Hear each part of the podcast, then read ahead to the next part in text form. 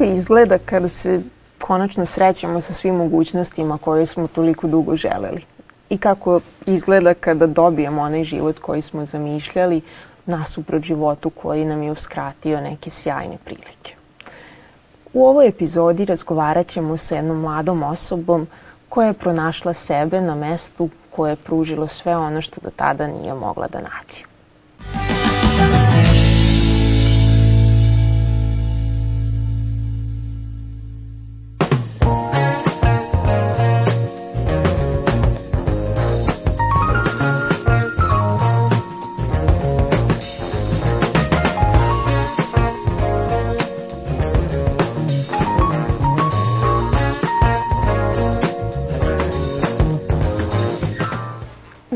govorimo o onim pojavama koje nam deluju kao da se izvode sa neverovatnom lakoćom. Onim ljudima koji prolaze kroz život sa preprekama, ali ne motre toliko na njih koliko gledaju gde je njihov cilj i drže se svojih ambicija. Moja današnja gošća je Željana Ristić. Željana, volela bih da nam se predstaviš onako od svojih početaka i zapravo šta se to desilo pa si se našla u našem gradu i kako si odlučila da nastaviš da tvoj život danas bude ovoliko zanimljiv i inspirativan? Pa, dobar dan pre svega Milice. E, pre šest godina sam odlučila da dođem u Novi Sad, e, pre svega zbog većih mogućnosti za kolica, mislim za osobe u kolicima. Dolazim iz manjeg mjesta gdje je neprilagođeno sve i život tamo prosto nije izvodljiv. Ne onakvim kakvim ga ja zamišljam. Tako da sam odlučila, došla sam ovde zbog rehabilitacije. E, ovdje sam počela da studiram i naravno da se bavim sportom. Sjajno. Kakav je bio život tamo, a kakav je bio život onaj kakvim si ga ti zamišljala? Tamo nije bio život. Nisam bila srećna, nisam bila ispunjena i nisam mogla da se krećem normalno i da radim normalne stvari kao i svi drugi ljudi. Prije svega da se bavim sportom, da izlazim, i sve ostalo. Kad sam došla ovde sve se to promijenilo. E, počela sam da studiram, da vježbam, da se družim, izlazim i da vodim sasvim jedan aktivan život koji vode svi normalni ljudi zdravi. Da, to je neko iskustvo koje svi mi zapravo donesemo u grad koji je i ole prilagođeni zapravo više nego većina gradova u našoj zemlji i osim toga što je i univerzitetski grad, imamo stvarno toliko prilika koje se otvaraju onako jedna za drugom i to se desi onog momenta kada mi odlučimo naravno da napravimo taj prvi korak. Šta je bio prvi korak za tebe, osim dolaska ovde? Prvi korak je bio da se snađem i poznam nove ljude. To mi je bio onako cilj. Uh, što sam vrlo brzo i postigla. I krenula sam na tu rehabilitaciju gdje sam se osamostalila. Kada sam došla ovde nisam mogla apsolutno ništa. Sad mogu da funkcionišem i da živim sama. Samostalan život kod osoba sa invaliditetom i najčešće vezujemo upravo za korisnike kolica. I volela bih sada iz tvoje perspektive šta je za tebe značila ta samostalnost i sloboda koju si naravno stekla. Značila mi je sve. Ono, ne moram da zovem nekoga, trebam do prodavnice, mogla sam to sama da odradim i to je za mene bio ono, na, najveći uspjeh u mom životu. Što se tiče društvenog života, koliko mogu da ispratim i koliko se već izvesno vreme i poznajemo. Znam da si ti neko koji je izuzetno u svakoj situaciji prijateljski nastrojen i vrlo lako zapravo stiče i prijatelje i sve.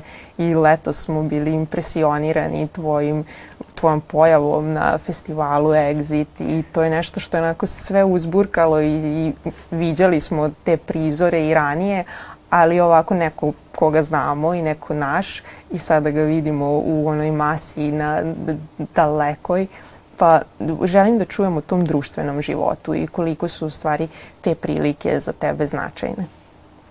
E, uvijek sam nekako imala pravi ljude oko sebe i pravi prijatelje, što je meni davalo vjetar u leđe još veći i stvarno sam srećna i ponosna na to ali u bilo kojoj situaciji da se nađem na bilo kom događaju, uvijek upoznam neke ljude i stvarno mi nije problem, s obzirom da sam jako komunikativna.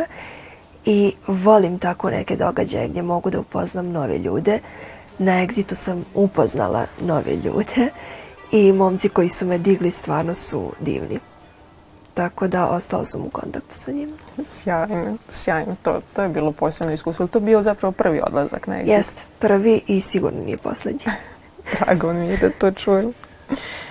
Osim toga, sada da ne ispane samo da pričamo o žurkama i događajima, e, volela bih da nas uputiš vezano za sport, odnosno šta treniraš, gde treniraš i kako si odabrala da se baviš time? Pa, prije dve godine počela sam da treniram stoni tenis, sasvim slučajno i kao bilo je rekreativno i onda sam shvatila da zapravo to volim i da želim da nastavim tim putem. Sad nam je neki cilj ovaj, evropskom i za to se spremamo, tako da nadam se da ćemo da uspijemo. Ono što je jako lepo i što se zapravo ovih dana dešava, a vezano upravo za tvoje pripreme za evropsko prvenstvo, eh, jeste akcija koju sprovodi Stonoteniski klub Novi Sad i volela bih i o tome da čujemo nešto više. E, da, želim da se zahvalim eh, devojkama iz Stonoteniskog kluba Novi Sad na tom divnom, divnom gestu. E, organi, to jest, desit će se Liga šampiona u Novom Sadu, a sam novac od ulaznica e, bit će namijenjen za moja dva turnira u inostranstvu i samim tim ću ustaći uslov za debitovanje na Evropskom prvenstvu. Eto, to je nešto lepo i što može ovako da bude i za naše gledaoce, i naravno za sve one koji, koji su tebi podrška da jednostavno uzmemo karte i da znamo da će to da, da ima neki viši cilj, osim naravno što ćemo moći da gledamo i Ligu da. šampiona u I Novom Sadu. Tako je. A što se tiče sporta, svi znamo da iziskuje i ogroman rad i trud i izvesna ulaganja i upravo smo sada, kada smo se dotakli ovog prikupljanja novca, svesni smo da to nije uopšte malo. Kako sad to tebi deluje iz ove perspektive? Jer ipak sad je početak i onako svesna si da, da si već lepo zagazila i tvoje, tvoja posvećenost je u stvari ono što je impresivno. Najteže je krenuti, svaki početak je težak, ali nisam neko ko odustaje na prvom problemu, čak ni na drugom. Tako da nastavljam dalje i mislim da će to biti ovaj, sve kako treba. Neće biti lako, to znam, ali svjesna sam i želim da guram dalje. Sjajno. Kako ti se čini s obzirom na tvoju kategoriju, tvoje mogućnosti, stoni tenis ima određenu kategorizaciju u odnosu na stepen invaliditeta? Pa... pa što se tiče konkurencije, jaki su. Ja sam nova u svemu tome, ali mislim da ću uspjeti. Pored tebe, već si rekla da imaš sjajne ljude, ali ja. Da. oni koji su upravo usmereni ovde u sportu, koliko ti znači, koliko pomažu? E, velika mi je podrška trenutno i najveća moj trener Nikola Popov, tako da njemu sve, sve zasluge idu. I nadam se da ćemo zajedno uspjeti da napravimo neki uspjeh i ne samo za naš klub, nego i za Srbiju to su, to su te ambicije koje, koje nekako iz prvog razgovora sa tobom uvek deluje tako blistave, velike i ono što je stvarno cilj koji tebe vodi i zato si i toliko sjajna i ne odustaješ. Ah, ovaj deo koji je meni uvek važan i zbog čega, zbog čega zapravo i volim ovakve razgovore eh, jeste uh, taj život koji mi obično kažemo živi, živeti punim plućima i šta je to, šta to za tebe znači? E, za mene znači živjeti živ, život punim plućima pre svega da prihvatimo sebe i da iskoristimo svaku moguću priliku. Jer život je jedan i treba mi da živimo njega, a ne život nas. U svakom smislu.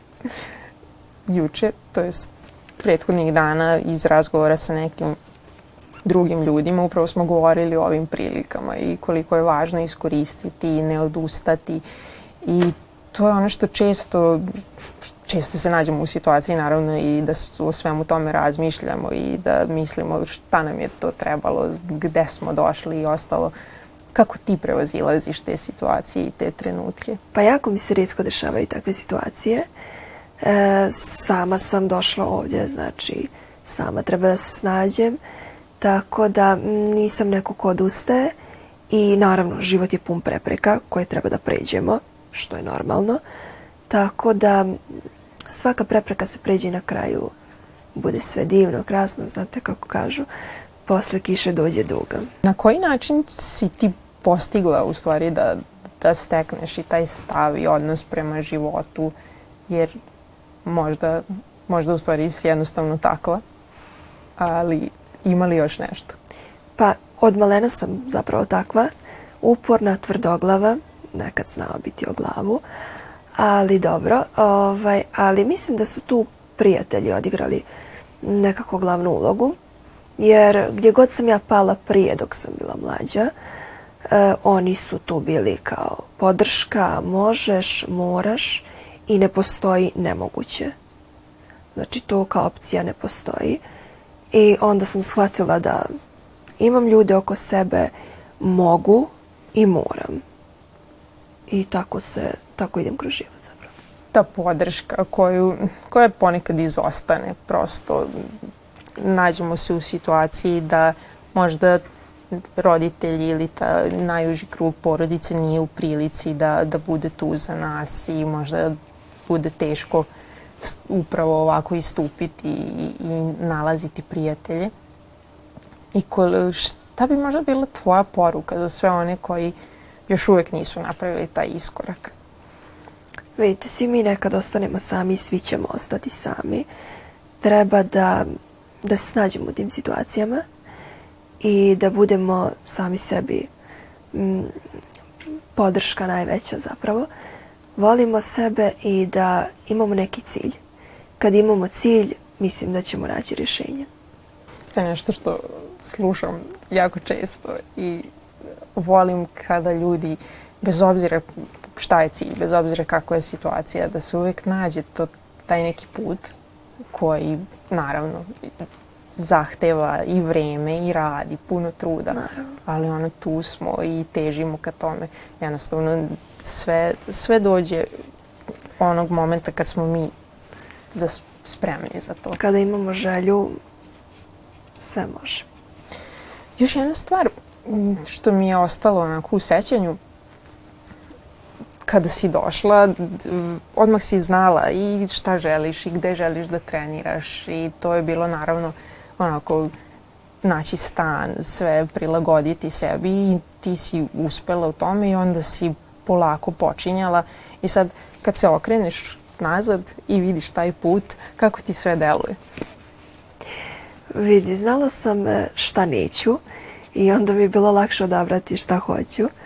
Ovaj, upoznala sam par, par ljudi koji su mi dosta pomogli kad sam došla u Novi Sad i stvarno mi to značilo tad. Tako da brzo sam našla i stan i adaptirala se krenula da treniram, tako da zadovoljna sam i želim samo da poručim ljudima da se ne plaše promjene i da ne budu u toj nekoj zoni komfora uvijek, jer ako ne promijenimo nećemo ni znati ovaj, šta nas sve čeka dobro. tako je.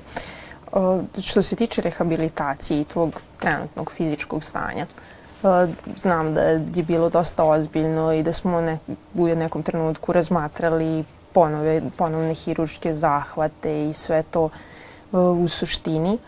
Da li ta rehabilitacija i dalje traje ili si preusmerila nekako na sport i na sve ostalo i da li sada osjećaš neke poteškoće koje se baš odražavaju na zdravstveno stanje?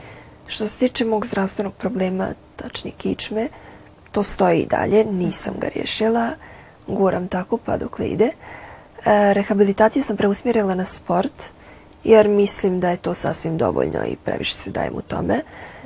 I to mi je sad neki prioritet.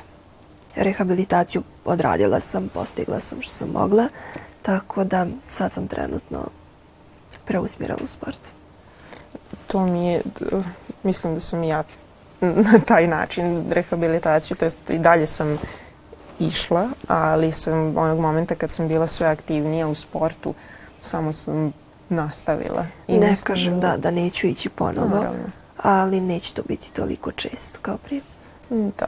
Ima sad, u ovom trenutku, svi oni koji su naravno na rehabilitaciji, to ume i, i to traje. I naravno i to iziskuje neko vreme i uvijek se nađemo u toj zamci da li se potpuno okrenuti rehabilitaciji i raditi na nekom progresu stanja, to jest našeg fizičkog stanja koje može biti jednostavno takvo kako jeste i kako je zatečeno i da se ne dese neke veće promene. Ali ono što je jako lepo onog trenutka kada mi to sve prihvatimo, kada prihvatimo da. to stanje i budemo svesni da se možda neće desiti nikakva promena. Nećemo ustati, prohodati i sve ostalo, e onda, na nas, onda nastupa taj realan život i tada se okrećemo sportu, poslu, čemu god.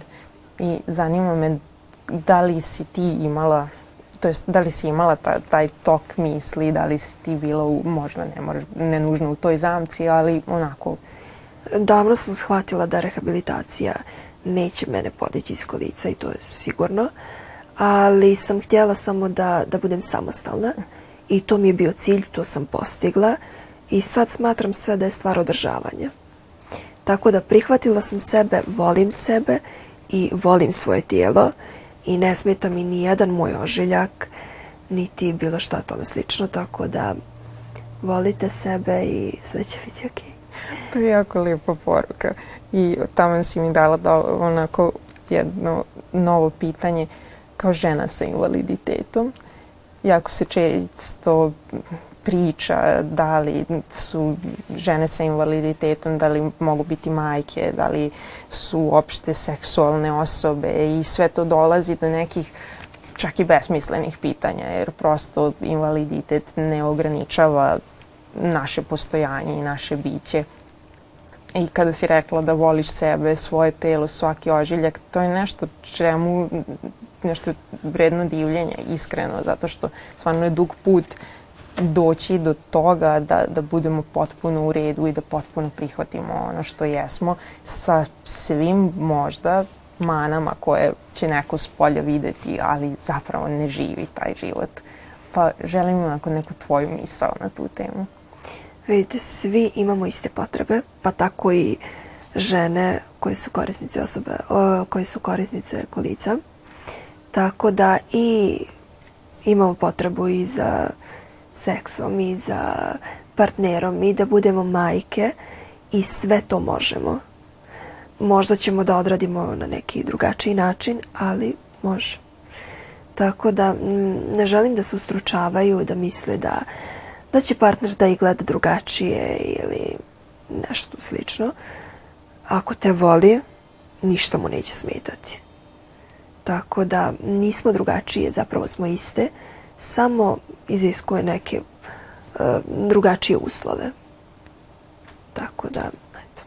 Da, to, to je stvarno uvek važno i nekad i zaboravim iskreno zato što kao navikneš na život i da sve to ide, ali zaboravim koliko se u stvari često suočavamo sa tim predrasudama koje zapravo mogu da se otklone i samo ovakvim razgovorima i našom otvorenošću na kraju krajeva to može da postoji u mnogo manjoj meri. Pa ljudi ne mogu da znaju šta nam smeta i šta nam treba dok mi ne sami ne kažemo, a dosta nas ćuti. Tako je. E, na kraju, e, sve ovo zahteva i neki lični motiv i tvoja otvorenost je stvarno dragocena u danima kada upravo to. Jako često ćutimo i kad je nećutanje način da ostanemo upravo u toj zoni komfora i da ne moramo previše ni da menjamo ni sebe, ni svoje okruženje. I šta je ono što, što je tebi važno i što želiš da promeniš u budućnosti? E, važno mi je da osobe sa invaliditetom imaju pravo glasa, Važno mi je da, da se riješe određeni problemi kao što su predrasude, diskriminacija i same arhitektonske barijere, što je negdje na prvom mjestu. I želim da, da osobe koje su u kolicima ne sjede u ćošku, nego da se pokrenu, jer mogu da žive potpuno normalan život kao i svi ostali a ne da čekaju drugoga i traže pomoć stalno. Hvala ti puno, Željana. Hvala tebi. Na kraju današnje epizode ja se iskreno nadam da je ova pokretačka energija koja je predamnom u ovom trenutku prešla i na vas i da će nekome stvarno značiti sve ove reči i ohrabriti ga, to jest ohrabriti je konkretno, mislim na žene koje su zaista često u tom nekom ćošku, kako Željana kaže, da ćemo istupiti i da će budućnost zaista biti blistava za sve.